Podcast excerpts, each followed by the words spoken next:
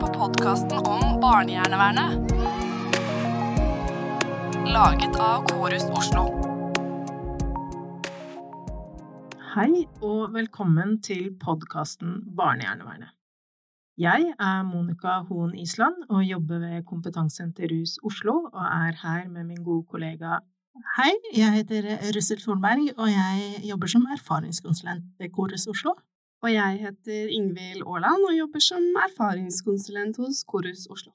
I forrige episode så fortalte vi litt om hva barnehjernevernet er, og hvorfor det er så viktig å forebygge og oppdage vold, overgrep og omsorgssvikt tidlig.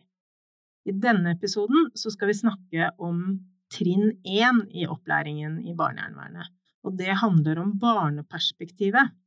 I dag skal vi prøve å forklare hva barneperspektivet er, og hvorfor det er så viktig å ha et positivt barnesyn i møte med barn og unge. Velkommen til Barnehjernevernet-podkasten.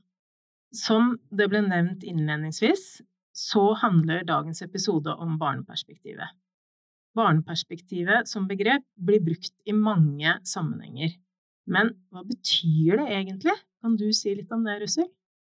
Ja, i barnehjernevernet så vi jo, bygger vi jo opplæringen vår på eh, prinsipper og verdier. Og eh, i de prinsippene så ligger jo det vi kaller for barnesyn, da.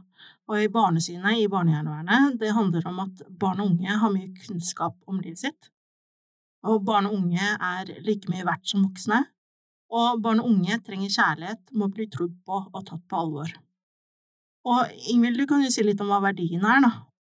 Ja, fordi i eh, barnehjernevernet så har vi også noen sett med verdier som barn og unge selv har kommet fram til eh, når det gjelder hvordan eh, de ønsker at voksne skal møte dem. For det er jo sånn at man i møte med andre mennesker gjerne kan føle litt på hva slags holdninger og verdier man blir møtt med, og det gjelder jo også for barn og unge. Og vi har fire verdier som er kjærlighet, åpenhet, samarbeid og ydmykhet. Og disse fire verdiene her, de er en sentral del av eh, hele opplæringen og kunnskapsgrunnlaget til barnehjernevernet. Og de er gjensidig avhengig av hverandre. Det er gjerne vanskelig å få til å etterleve én av verdiene hvis man ikke etterlever de andre verdiene.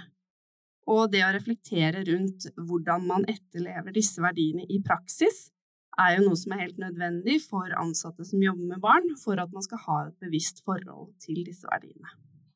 Og eh, barneperspektivet eh, i barnehjernevernet er jo veldig viktig, fordi det kommer annet fram i eh, en NOU, Norges offentlige utredning fra 2017, som heter Svikt og svik, om at eh, barn og unge blir ikke hørt nok i, i, saker som gjelder dem. Og en av rettighetene vi fokuserer på i barnehjernevernet, er jo blant annet dette fra FNs barnekonvensjon om artikkel 12, om at barn har rett til å bli hørt eh, i saker som gjelder dem. Derfor er barneperspektivet så viktig, og at disse barnesynene eh, er med i det arbeidet vi gjør. Ikke sant? Og hvordan kan man egentlig jobbe med dette i praksis, Russel? Hva tenker du rundt det? Um, jeg tenker at eh, prinsippene og verdiene sier mye om hvordan man kan eh, jobbe eh, med barneperspektivet. For det sier noe om at barn og unge har mye kunnskap om livet sitt. De, har, de, kan være med å medvirke og medbestemme i mye av det som omhandler dem. De kan være med å si meninger da, på eh, saker som gjelder dem selv også. Eh, på hvordan de opplever ting, hvordan ting føles, hva som er viktig for dem at voksne spør om, er opptatt av, osv. Mm. Og her kan man jo tenke ganske langt ned i alder òg, som mm. kanskje av og til kan være litt vanskelig for mm. voksne å skjønne, men at også små barn kan, eh, kan medvirke mm. i, eh, i, eh, forhold som gjelder dem selv. Ja, det er jo Vi bruker jo ofte noen eksempler når vi snakker om det her. Hvordan er det vi etterlever disse verdiene og prinsippene i praksis. Og da bruker vi gjerne et eksempel som heter eh, Olga på 80 år og Per på 5. Eh, hvor Olga er en grandtante til eh, Per. Og så skal alle sammen i familieselskap, og så sier foreldrene til Per at Per skal gå og klemme eh, grandtante Olga. Og så sier jo Per at nei, det har han ikke lyst til. Men så sier foreldrene jo, jo, selvfølgelig gå og klem eh, grandtante Olga. Og så hvis man snur litt på det, så kan man jo tenke seg hvis Per hadde vært en voksen person, ville man da gjort det samme? Ville man da bedt Per om å gå utenfor sine grenser fordi at man mener at Per skal gjøre det? Mest sannsynligvis ikke. Og det er på en måte en sånn tankevekker man kan gjøre seg når man da reflekterer rundt hvorvidt er barn like mye verdt som voksne? Hvor mye er deres meninger verdt i møte med voksne, og, og hvordan kan man unngå å, å um, ikke ha et bevisst forhold til nettopp dette, da?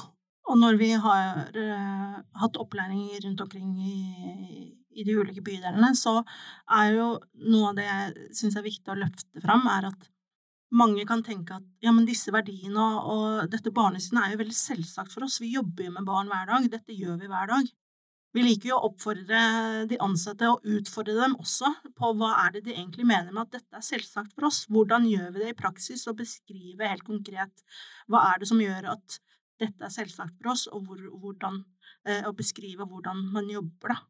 Eh, for da kan man eh, lett se eh, om man ser på barnesynet og verdiene på en overfladisk måte, eller om man tør å gå i dybden på hva det egentlig betyr hos de enkelte tjenestene. Mm. Så det å virkelig liksom tørre å ta inn over seg hva det betyr, og skjønne at dette er virkelig liksom fundamentet i alt arbeid man gjør med barn og unge, det, det er uh, viktig. Men er det egentlig mulig å se verden fra barnets ståsted gjennom å bruke barn og unge som kunnskapskilde? Og hvordan går man egentlig fram for å få til dette? Hva tenker du om det, Ingvild?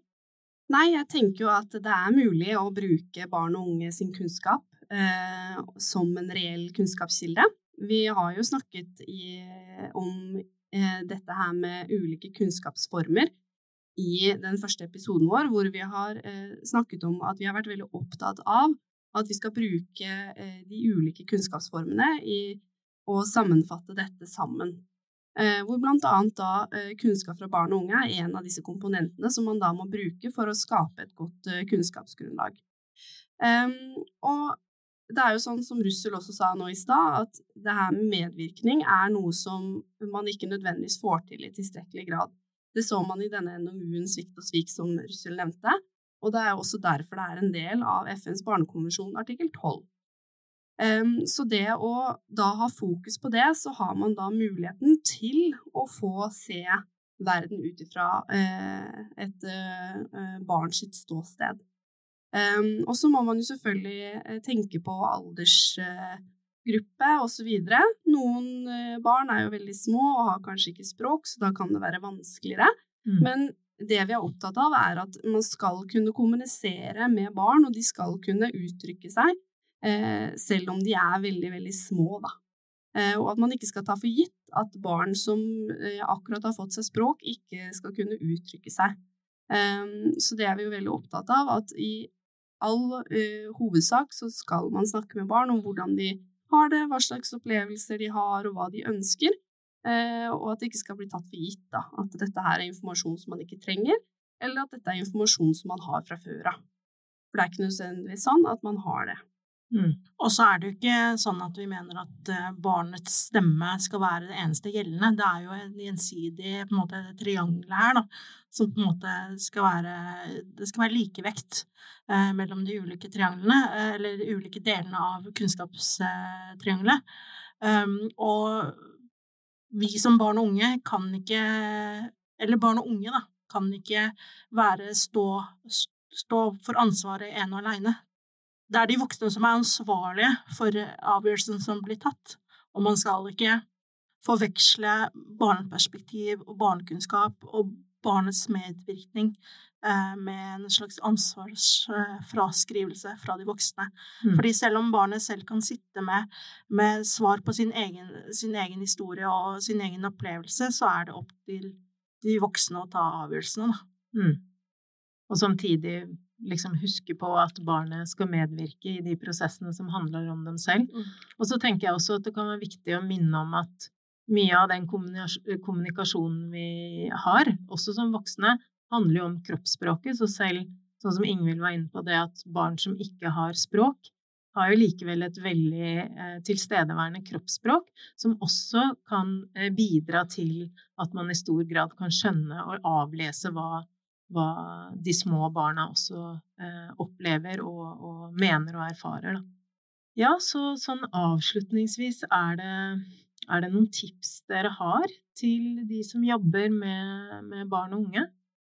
Ja, jeg tenker jo at eh, det aller største tipset er å ha et bevisst forhold til hva eh, medvirkning vil si, og hvordan er det vi ønsker å møte andre mennesker. At det er på en måte hovedgrunnlaget, kanskje, i uh, barneperspektivet.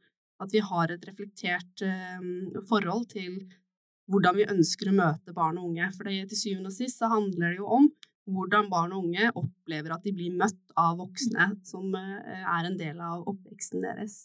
Så det å ha et bevisst forhold rundt det tror jeg er helt avgjørende for at man skal kunne etterleve barneperspektivet. Jeg tenker det er viktig at man eh, utfordrer seg selv litt. Litt tilbake til det jeg sa om at uh, noen ting kan være veldig selvsagt på hvordan man ser og tenker om barn. Det å tørre å gå i dybden på det, tørre å utfordre seg selv, stille utfordrende spørsmål Ok, gjorde jeg det egentlig Stilte jeg det spørsmålet på en god måte nå, eller ikke? Eller eh, jobber vi med dette på vår tjenestested på en god måte, da? Mm. Og som dere refererer til, da, det med eh, NOU-en Svikt og svik, og også det kunnskapen man har om at, som vi nevnte i forrige episode, om at det tar i gjennomsnitt 17 år før man forteller om vold og overgrep, så sier det noe om at ved kanskje å ha et mer aktivt forhold til hva det å faktisk ta inn over seg hva et barneperspektiv betyr, og måten vi møter barn og unge på, kan ha veldig store konsekvenser for nettopp det at vi blir enda bedre da, på å oppdage og, og forebygge vold, overgrep og, og, omsorgssvikt. Så i dag så har vi eh, snakket om hva barneperspektivet er, hvorfor det er så viktig at vi tar eh, barnets perspektiv på alvor. Hvordan vi ansatte kan være i møte med, med barna, og hvordan barna kan medvirke i eh, tjenestene som, som, vi jobber med. Og hvor viktig da det verdigrunnlaget som barnevernet eh, innehar, er i dette arbeidet. I neste episode skal vi fortsette å snakke om eh, trinn 1 og barneperspektivet, men da skal vi gå mer inn på kunnskap for barn. Hva er det egentlig barn trenger å vite for å eh, kunne snakke om hva de blir utsatt for eh, hjemme? Tusen takk til dere, Ingvild og Russel. Husk også at dere kan besøke vår nettside barnehjernevernet.korusoslo.no, hvor dere finner utfyllende informasjon om trinn 1 og opplæringen i barnehjernevernet.